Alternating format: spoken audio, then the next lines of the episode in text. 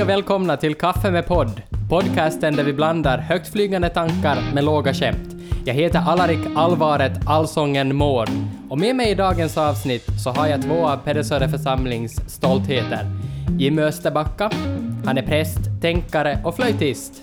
Och Joanna Öland som är ungdomsarbetsledare, sanningssökare och det Så häng med, spill i och spill ur.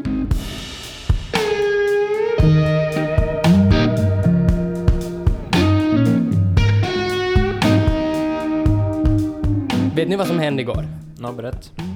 Jag och Lovisa, vi tog en kvällstur. Vi hade lagt Elisa och sova vid svärföräldrarnas. Hon somnade efter två flaskor.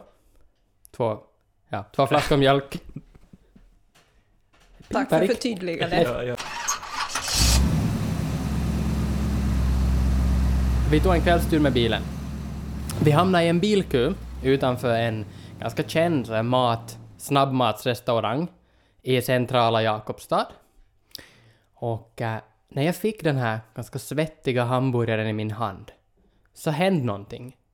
Min själ blev lättare. Livet blev ljusare. Jag fick jättemycket vårkänslor, jättemycket vårfilis och jag var så glad. Jag bara kände att wow! Vet ni? Förstår ni? ja, jag tror det. Ja. ja. Har ni vårfilis? Ja, det är lite för kallt ännu för att jag har vårfilis. Jag går nog med vinterskor ännu. Uh, men alltså jag har faktiskt varit en del vid havet. Mm. Så isen är ju bort, har jag konstaterat. Så att de visste, nu börjar det vara vår. Ja. Ja. Jag, jag vill bara säga att jag tror på sommaren. Tro, jag tror att sommaren kommer, jag tror det här blir bra. Okej, fint. Ja, ja, ja. Det är bra ja, att du det har stark tro. Ja. Jag vill bara säga det. Eh, Ja. Det låter skönt. Ja. Ja. Det kanske beror på att jag de senaste veckorna har haft någon slags... Det börjat ett visst mörker inom mig. Nu kände jag liksom att nu händer någonting. Vad hände med det mörkret då? Det, det får väl undan till sin plats i det trånga hörnet någonstans. Så Som tryckt undan i mörkret? I princip.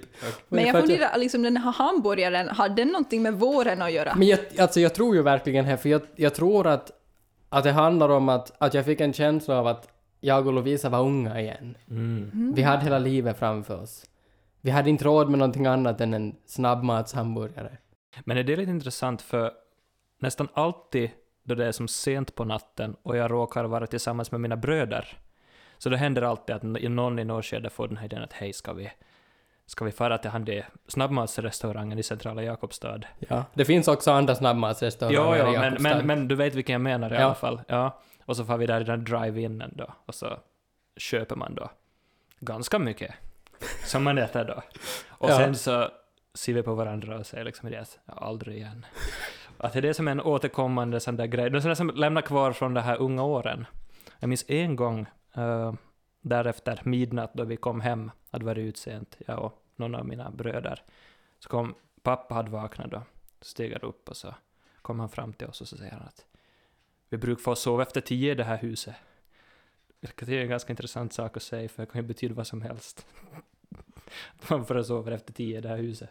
Jo, precis som han sa. Jo, jo precis Mm. som jag sa. Men det är en ganska bra sån där one-liner eh, på det sättet som, som jag på något sätt brukar påminna pappa om ibland, att vi brukar få sova efter tio i det här huset. Mm vad, har ni, vad har ni tänkt på på sista tiden? Jag har tänkt på, eftersom jag då har semester, så jag har tänkt på att rensa.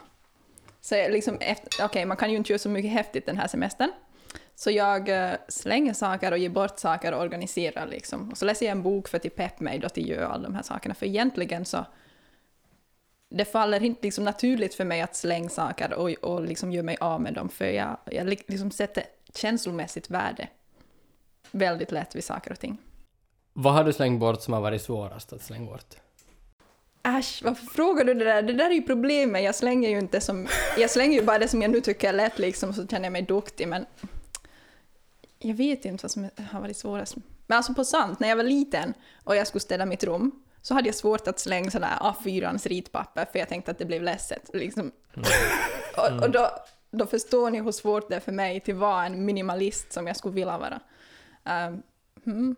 Nej, men jag har, slängt, jag har slängt lite gammalt te faktiskt, och det tar emot liksom, det tar i hjärtat. Mm. Vad har du tänkt på Jimmy? Jag har varit egentligen ganska avslappnad i helgen och inte, jag vet inte riktigt om jag har tänkt så mycket. Igår var jag skåda på havet, studera vågorna. Vet ni att var sjunde våg är som högre än de alla andra? Har du läst det här eller har du räknat? Nej, nej, alltså det lär vara så att var sjunde våg Okej. är högre än alla andra i alla hav. Det gäller liksom bara att hitta den där sjunde vågen. Varför skrattar ni? Det är ju sant. Var har du läst det här? Nej, alltså var det så här före du for till Feboda så var det nu Nej, ska jag nej, läsa nej, på alltså, om nej, men, ja, havet? det, här, det här är märkliga, alltså.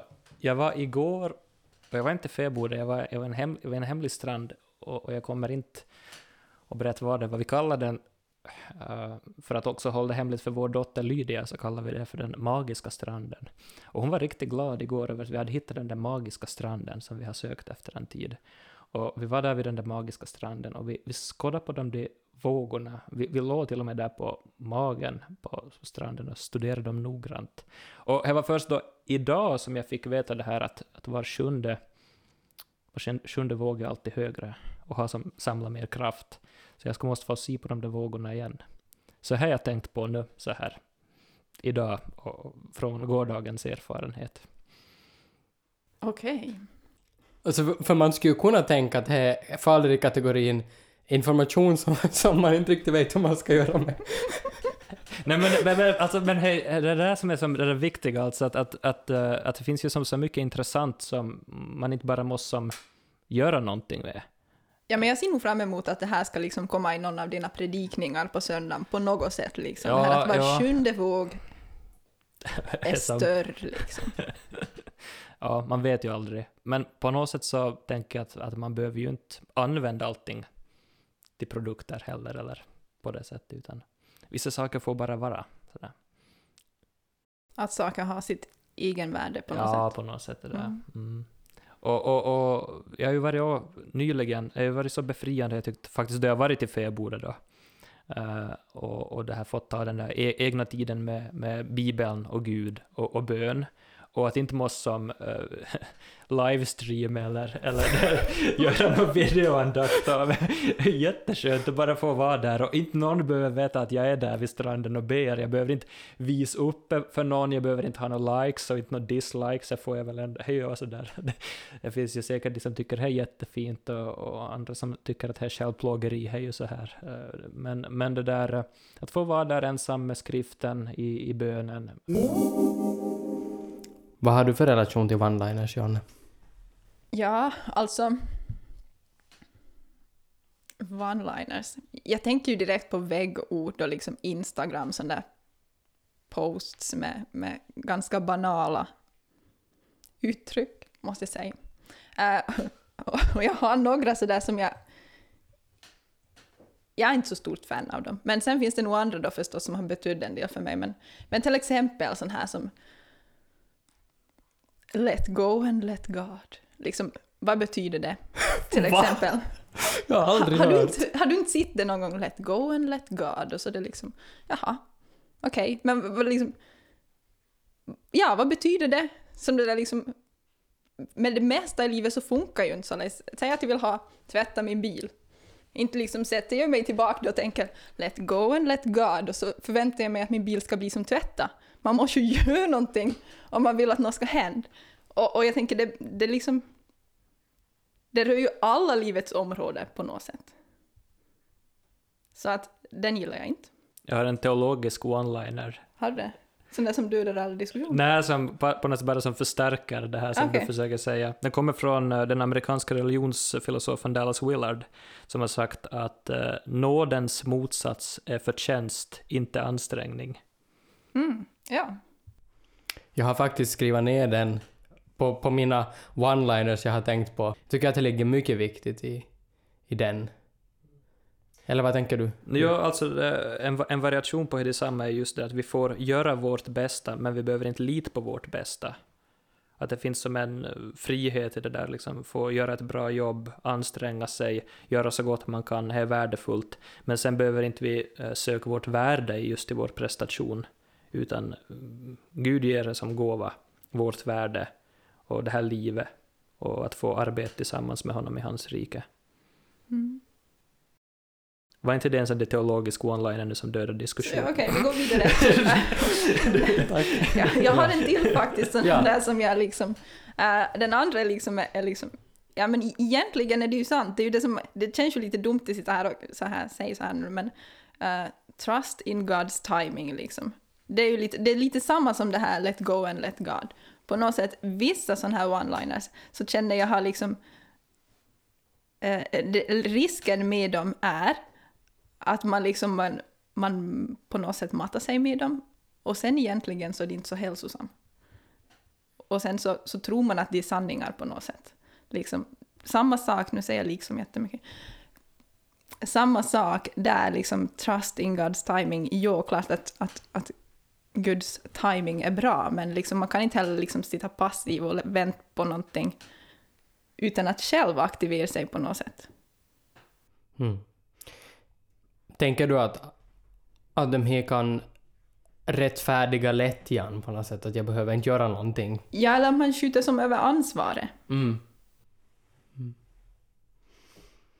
För jag tänker i alla fall med, med de här just, men till exempel, eller där jag är, är allergisk mot one-liners så är när man, när man säger åt någon, säger att någon har det jobbigt och, och kämpar, och så kommer man liksom dragande då till exempel med trusting God's timing, och så tänker man sig att okej, men jag, jag dumpar det här på dig liksom, och, nu, och, och, liksom, och så förväntar man sig att nu är det här en om nu inte en, en bomb som tar död på all diskussion, så åtminstone liksom en, en bomb som, som... Du behöver inte något mer än det här liksom. Nu har jag ju sagt hur du ska göra. Och där tror jag att, att vi får inte... Vi får inte lura oss själva att våra one-liners ska på något sätt ersätta det faktum att, att människor ganska ofta behöver att vi är närvarande, att vi lyssnar, att saker får vara en process, att, ja, att vi finns till helt enkelt. Att det är inte som att man bara dumpar lösningen på någon och säger att varsågod. Det kan lite bli som ett, ett lock på frustration och liksom Men, en- jobbiga Ja, känslor. men alltså symptomatiskt för hela vår, hela vår kultur det där att vi har som inte, det finns inte något utrymme för tid och väntan och mognad, utan man vill som ha sådana quick fix. Och då liksom kan ju one-liners bli som sådana här att, att äh, dra upp snorren och gå vidare nu bara. du vet inte om någon säger så, men, men ni vet lite, att man vill, som, man vill inte riktigt känna i den där smärtan eller vandra med där, utan att det är nu som att nu talar inte vi om Helena mer, utan nu, nu är det klart och så. Knyt handen i fickan och konstatera att jag är ute och snotelev. Ja. Mm. Absolut. Samtidigt som ändå jag kan se ett värde i dem nu också, liksom på samma sätt som man liksom kan memorera bibelverser som på något sätt hjälper en i tunga tider, så kan också sådana här korta liksom, uttryck vara någonting som man liksom kan hålla fast vid på något sätt och, och som hjälper en. Ja, ja det tror jag och att, att de plötsligt kan land. Plötsligt kan ju ett, ett, en one-liner som aldrig har landat, utan det har bara varit någonting som man har hört människor säga. Men så plötsligt så landar det att hej, ja men jag kan faktiskt lita på, på Gud och på hans timing liksom, och det här kommer bli bra. Det blir Jag levande på något Ja, sätt. jag tänker Ja, att det kan ja. bli, och hej, one-liners som är inte levande så är ju inte så jättemycket. Nej. Antagligen kommer jag till ha en tavla som det står liksom Let go and let God på ganska snart säkert på min vägg i alla fall. Så att får jag ta upp allt vad jag just har sagt. Vad har ni för grejer som har varit viktiga så det är fackelbärare i någon, i någon tid? Ja, men okej, nu har jag börjat med mig en sån där vi- viktig one-liner, om vi kallar det det, som jag, jag fick av, eh, av en, en man där i min, min ungdom. Han sa sådär att livet är en kamp, men Gud är god. Och har inte vi en grundmurad ti- tillit till Guds godhet så kommer vi alltid att misstolka kampen i livet, oavsett vad den handlar om. En gång till. att livet är en kamp, men Gud är god. Och har inte vi en grundmurad tillit till Guds godhet så kommer vi alltid att misstolka kampen i livet, oavsett vad den handlar om. Jag tänker då blir det som lätt sådär att då, finns inte en tillit till, till Guds godhet så blir det fort liksom det att oj nej, jag fick fyra i finska, jag är nog sorroko, Gud är säkert arg på mig på något sätt. Eller att man börjar som tolka saker som händer så här efter, efter det värsta. Men det är ju på något sätt sådär korsets mysterium också, att, att det finns mycket lidande och svårt i livet, men, men Gud är ändå god. Och på något sätt så möter han oss där och elände. Mm. Okej. ehm, jag håller med om att Gud är god. kan man ju säga först. Uh, det där är ju en grej som, som känns som att, ja, en del så, så liksom... Vad som än händer dem på något sätt så är det liksom... Jag litar på att Gud är god, liksom. Och, och så ska man hålla fast vid det läsa vad som än man går igenom på något sätt. Uh, och för, för mig så blir det något obegripligt. Eller har varit det liksom sådär att varför ska varför ska man så hacka upp sig vid det då, Gud är god, Gud är god liksom, och liksom någonstans trycka bort just då all de där känslorna igen liksom, och bara hålla fast vid det på något sätt. Då jag tycker att det är mycket mer hälsosamt att vara arg då på Gud en stund liksom och säga att ja, kanske inte Gud är god, för, liksom, för jag tänker sen sist och slutligen så kommer man till land i det på nytt eftersom Gud är god. Men att hålla krampaktigt tag i liksom den one-linern då liksom. På ett sätt som gör att man inte liksom tillåter sig de där känslorna, så kan ju vara ganska... Men här håller jag helt med om. Alltså som, jag tänker att, att ta en sån där one-line och just göra som ett sånt där, vet du då, att, att säg du går igenom något svårt och så kommer jag liksom och säger sådär one-line att livet är en kamp, Johanna, men Gud är god. Och du måste ha en tillit till Guds godhet. Då på något sätt så känns det som att jag lyssnar inte på dig Mm. och inte din kamp. Utan bättre skulle ju vara att jag vandrar med dig där i det jobbiga då och tänker att, att allt det här hemska som kommer nu, jag tänker inte vi behöver ta emot det ur som att det kommer bara ur Guds hand och lita på att han är nog god, utan mer kanske som att, att hur ser det ut då vi lägger det här i Guds hand istället. Att det blir som mer, mer då det där att, att hur, hur ger vi ord på vår frustration, hur ger vi ord liksom på de här känslorna, hur börjar vi tala ett mer vuxet, moget språk till Gud, där vi också liksom är arga och liksom märker att, att Gud håller nog också för ilskan, vreden, frustrationen, sorgen, besvikelsen. Alla de här sakerna. Problemet är väl just det att vi... vi alltså problem, problemet med sådana där one-liners är kanske då liksom att vi, vi... Det hindrar oss från att be. Det blir som en sån där färdig tanke liksom bara att... Det är som Ja, jag, facit. ja, Ja, är jag som tror absolut ja, att det är ja. Att, Ja. att vi som tar facit på förhand och är inte liksom där i processen, utan det är som ska vara en genväg på något sätt. Ja, det, det, det var väldigt träffande för mig just att, att en one-liner som drar oss bort från bönen så är inte en bra one-liner. Speciellt inte i, i tider av det här är jobbigt. Nej. Men jag, tyck, jag tycker ju igen om one-liners så jag har svårt att... Jo, Okej, kan vi höra någon one-liner som du tycker om liksom? Eh, no, alltså, för jag är ju en sån som... Ibland när jag hör en one-liner så kan jag ju bara rys till och vara sådär att wow! Det här var. Som- Fantastiskt. ja. Så, hmm. Och det är någonting med, alltså för mig en bra one-liner så är ju någonting som som lägger ord på någonting jag redan har tänkt, men gör det på ett sätt som jag inte skulle ha kunnat lägga ord på själv. Och då, då händer någonting, och jag tror att, att där är kanske, kan det vara så, det som händer när one-linern blir levande. Alltså att någonting som slår an i någonting jag redan har tänkt, men om man inte, om man inte har tänkt det alls själv någon gång, eller om det liksom är helt fel, man är inte alls där så man kan ta in det, så tror jag att det kan vara svårt. Mm. Men, men för mig alltså, när, när jag slår an i någonting jag har tänkt men inte kunnat formulera. När till exempel, bara en så lätt sak som när jag och Jimmy har skulpterat tillsammans och vi skulle bli lärare, så, så sa ju Jimmy då, jag tror, du hade ju förstås tänkt ut det här själv, jag tror inte du hade läst det någonstans, men du sa, du sa i alla fall, vi lär oss bättre när vi trivs tillsammans. Men det är stulet faktiskt, tror jag. Jag vet. Ja.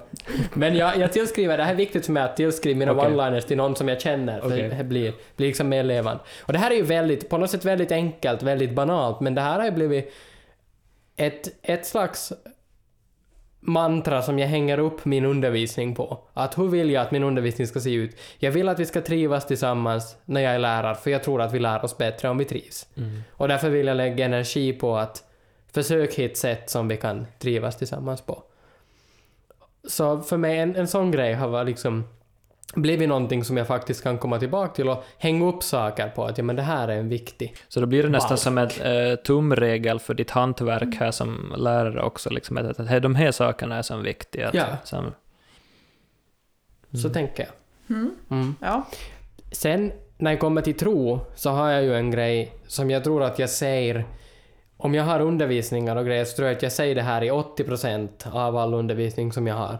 Och det är ju att Gud möter dig där du är och inte där du tror att du borde vara. Och det här är ju på något sätt någonting som jag hela tiden kommer tillbaka till, både för egen del och när jag försöker säga någonting åt andra. För det här tycker inte jag är samma sak som att...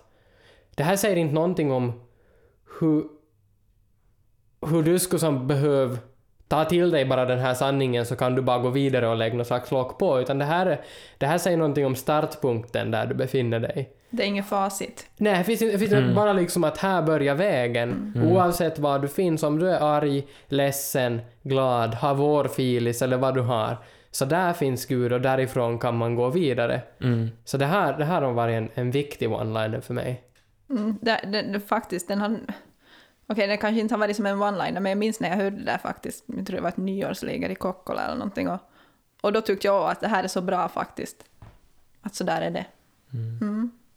För det blir, så fort att jag skulle som först måste få gjort det där, eller jag Mm. borde ha läst Bibeln först, och liksom, jag borde ha liksom det och det ena och det andra, och så hittar man på en massa sånt där, om jag bara skulle först. Om jag skulle ha min magiska strand, så då skulle, Ja. skulle Gud tala till mig. Men då vet vi ju att alla hav, överallt, den sjunde vågen, alltid störst. Oavsett strand. Och på den sjunde dagen vilade han. Där kom det. Alrik, tar du en reklam med intromelodi som du gjorde tidigare? Vad hade jag för melodi? En brus... Alltså jag kör på bara som direkt reklam. ja, ja, ja. Nu har det blivit dags för reklam.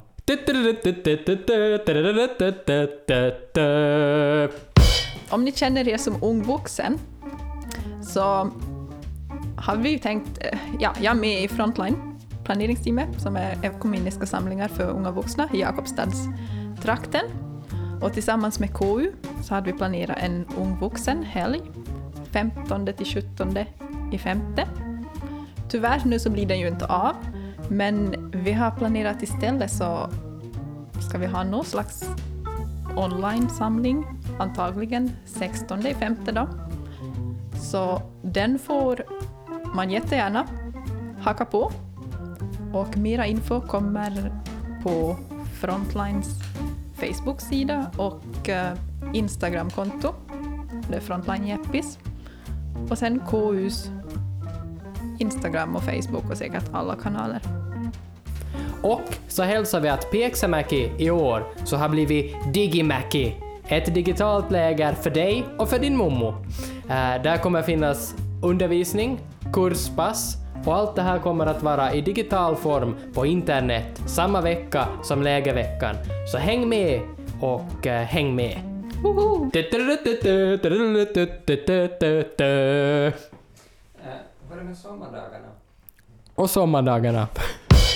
Okej, men jag, jag vill först höra, för jag har inte hört Joanna säga ännu one-liners som du har tyckt om. Uh, ja, alltså på tal om då one-liners eller liksom uttryck som har hjälpt in på något sätt ändå i tider som har varit så här lite svårare. Så jag är ju en ångestpersonlighet som så här till max och katastroftänkare och allt sånt där som man kan vara. Så jag trivs jättebra i min bekvämlighetszon. Eh, och eh, jag såg en gång en bild där det var liksom det var en cirkel där det stod bekvämlighetszon då.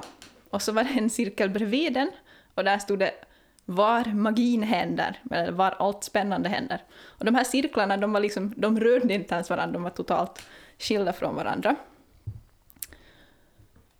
Och det har varit en sån bild, kanske inte en one-liner då, men det har varit en bild nog som jag har som bär med mig på något sätt att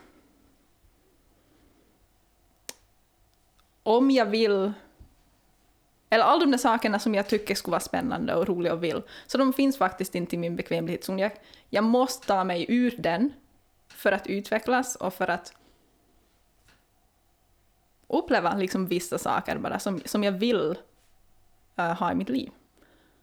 Och då finns det flera då i samma stil som kan kännas jättekliché, liksom att always do what you are afraid to do, liksom men som jag ändå har levt efter så bra jag har kunnat. Eller då ett Tolkien-citat, det måste vi väl ha med. Det måste vi. Uh, I will not I will not walk backward in life. På något sätt att liksom, om jag har kommit ett visst steg framåt, liksom, så nej, då backar inte jag något mer. Hur skönt den skulle vara att liksom backa och gå tillbaka till sin bekvämlighetszon, så gör inte jag det. För att liksom, man är på väg framåt på något sätt. Ja, så där kan jag säga, där har jag nog haft nytta av och hjälp av liksom one-liners. Så jag tror det här Tolkien-citatet, så det hade jag till och med på en, en så här kalender. jag hade gjort en egen pärm och lagt det på min kalender, så jag liksom såg det varenda dag jag, liksom, då jag använde kalendern. Så ja, Vart skulle du säga att den här mentaliteten rent praktiskt har tagit dig? ja alltså det, jag, skulle inte, jag skulle inte jobba i församling idag om inte jag skulle ha det där. Alltså jag Du skulle inte haft- köra podd. Jag skulle inte göra podd, absolut inte. Uh, nej men alltså jag har ju haft jättestor scenskräck och social ångest och sådär. Jag skulle definitivt inte ha ett jobb där jag liksom eh, måste stiga upp och ha andakt i liksom skolor inför hur många som helst, känns det som. He, ja, hela det här jobbet är liksom utanför min bekvämlighetszon egentligen. Så att... eh, och då kan det nästan bli så här, eller för jag tycker det är så bra att utmana sig själv och liksom ha den här tanken på att man ska göra det man är rädd för att göra. Liksom. Alltid om det är något man är rädd för, då ska man göra det. Uh, och när jag träffar folk som inte vill göra det som de är rädda för, då skulle jag vilja tvinga dem till att göra det bara för jag, jag vet ju hur bra det är. Och jag har som svårt att acceptera folk som trivs i sin bekvämlighetszon, för då skulle jag vilja som att, nej men vet ni hur mycket fantastiskt som finns liksom utanför den? Och så är det som bara, nej men, och då, blir jag nästan arg. Ja, men det är väl lite som hobbitarna, nu hade det bra där liksom i sina hålor och det är mycket faror och hemskheter där ute i stora Ja. världen, men mycket skatter, mycket saker att lära sig, mycket rika erfarenheter. Mm. Det är ju som man brukar säga, ett skepp i hamn är tryggt och säkert, men det är inte det som skepp är gjorda för. är inte det en del, eller är inte en del av liksom orsaken varför one-liners och så här ord och uttryck förlorar sin kraft, liksom man vill vara så, eller allt ska vara så unikt på något sätt och, och speciellt. Och sen när man har sett då liksom carpe diem i en massa olika former på tavlor och skyltar och ljus och servetter tillräckligt många gånger i Halpis och Er- Erkinhallis, så då, liksom, då förlorar det nog på något sätt sitt värde. Och på samma sätt som alltså dela liv. Jag är inte som supersåld på det uttrycket något mer. Och det, det används hela tiden och jag älskar innebörden i att dela liv. Liksom. Det här något liksom att man faktiskt på allvar lever livet tillsammans och inte liksom ja, delar också vardag och det som är svårt och det här. Men, men jag vet inte, det har blivit något liksom banalt på något sätt när man har sett dela liv som hashtag tusen fem gånger. Det var lite det här som jag försökte tala om tidigare då jag berättade om de där vågorna. Faktiskt, tror jag. Liksom att vi, om vi får såna här jättebra one-liners som betyder mycket, så tänk om vi egentligen inte ska berätta dem alls. Vi gör ingen hashtag av dem, vi pratar inte sönder dem, utan det är de här liksom dyra insikterna som vi håller lite för oss själva ändå. Så att man inte som delar allt där, utan man, man delar det som flödar över på något sätt. För jag tror det finns en risk att vi i, vår tid som babblar väldigt mycket, att vi, vi pratar sönder väldigt mycket, vill ha facit, vill ordna allting och ingenting betyder någonting. Och, och jag, samtidigt så tänker jag att, att det kan, det kan vara skäl att ta tillbaka vissa saker. Om man märker att det här, det här har vi liksom tvingats, att vi har tvingat ett uttryck att bli platt, för vi vägrar ta det på allvar, så tror jag kan vara, kan vara helt vettigt att bara bestämma sig för att nej men jag går inte med på det. Jag tycker att det här har någonting. Och antingen att göra det på det sättet att man att man fortsätter bära på ett uttryck eller ett sätt att, att säga saker på. Eller att man funderar på att hur kan vi... Finns det något sätt man kan lite omformulera det här? Kan den här samma innebörden tala till oss på ett nytt sätt i, i vår tid? Jag tänker på det här med dela liv, det är ju en, en sak som jag har burit på i många år. Hur det var när, när jag kom till Åbo och blev medbjuden i en cellgrupp. Och då sa ju Ville Kavilo, nå det första som jag kommer ihåg att blev sagt där var att att man måste inte, här måste man inte dela någonting som man inte vill dela. Men ju mer vi vet om varann, desto lättare är det att älska varandra väl. och på något sätt är ju det här samma, det är ju dela liv. Men, men, men för mig så, ja, så har det liksom varit väldigt viktigt att, att, ja, att, att öppna upp sig för en annan människa kan vara svårt, men det behöver inte bara göra att det kommer att ta mig runt när de sårar mig, utan det kan nog göra att jag får ta del av kärlek på ett sätt som jag inte skulle få om inte jag skulle låta dem se vem jag egentligen är. Nej, men jag funderar just det här som vi pratade om med, med, de här, med det här facit och de här one-liners och det här som vi kom in på när vi satt och diskuterade. Att egentligen så är det ganska hälsosamt att, att fundera och prata om just det här ämnet, för det blir fort mycket, tror jag, liksom i våra kyrkliga sammanhang, så att vi har de här one-liners och liksom det här facit och de här färdiga förklaringsmodellerna som gör att vi på något sätt eh, på något märkligt sätt så öppnar det inte alltid upp livet, utan de som stänger inne på något sätt. Och jag tror, för jag tror det är lite här som vi har varit, varit och nosat på, och jag, det är som hälsosamt för mig själv också, vet jag, att att uh, det är ju inte heller det som vi ska göra här i podden, att vi ska nu ha färdigt de här facit och liksom det här bra innehåll och det här som är genomtänkt med allting, för att då gör vi ju själva det här som vi på något sätt reagerar mm. mot, ja. att vi nu kommer med de här färdiga one-liners med det här färdiga facit. Och för mig blev det nu en hälsosam påminnelse att, att jag får dela med mig av det som jag har, inte det som jag borde ha. Alltså på något sätt att jag får vara gästfri, och att vara gästfri är inte liksom att nu ska jag bli en gourmetkock mitt i allt liksom och laga jättegod mat. Fast Snyggt, jag, rent och... Och, och, och liksom det, fast jag har ju, jag har ju liksom de där kokböckerna där hemma och skulle vilja lära mig, men jag failar ju hela tiden. Alltså, när jag senast jag skulle laga ett, ett pastarecept så mockade jag med cayennepeppar. Det var helt oätbart. Alltså, eh, Nej men helt på sant. Alltså det, men, men man försöker i alla fall. Jag tänker så att så det kan, man, kan ju vara gästfrihet, man som lägger bort den där perfektionismen. Verkligen, ja. Mm. Det är jättesvårt att vara gästfri och perfektionist samtidigt. Ja. Det är det. Det är egentligen omöjligt. Mm. Mm.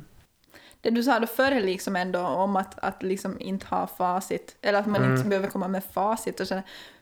Och att vi kanske lätt gör det i kyrkan just med mm. våra one-liners. Alltså, jag tänker överlag, så man behöver inte vara så rädd för det som är liksom mörkt och då man inte vet att vart leder det här och mm. tvivel och all de här sakerna. Det är ju, det är ju lite det som gör livet spännande emellanåt, tycker jag. Mm. Men alltså, på något sätt är det som att man försöker hålla sig borta från det så bra det bara går, liksom, med all makt.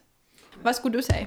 Jag vet inte exakt vad vi menar med mörkret, men, men jag vet väl inte någon. Samtidigt vet väl allihopa precis vad vi menar. Men, men just att vi kanske som, som kristna, som församling, vem vi nu än är, behöver nog lära oss att inte vara så rädd just för mörkret, för jag menar, nej men om Kristus finns i mörkret så nu, nu måste vi finnas i mörkret tillsammans med de som finns i mörkret. Det är ju samma sak just det här att Gud möter dig där du är, inte där du tror att, att du borde vara. Och sån, sån måste ju församlingen vara. Att vi, vi måste ju möta människor var de finns. Och då kan inte vi bestämma oss för att det ska alltid vara ljust och trevligt och liksom klar, glasklara på något sätt.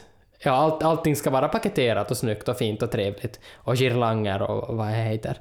Uh, utan ibland är det rörigt och, och, mörkt men, men vi behöver kunna finnas där och, och kan, kan vi tända ett ljus i det mörkret, kan vi liksom få, få föra in Kristus och, och Jesus får vara ett ljus där, så då är det ju helt fantastiskt. Tänker jag. Så farväl och tack för att ni kom. Ni gav mig kärleken. Jag fick flyga högre än jag någonsin kunnat nå.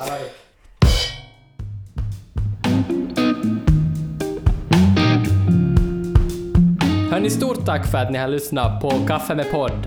Om ni har feedback, funderingar eller förfiningar så kan ni alltid ta kontakt på alaris.mard.kyrkansungdom.fi.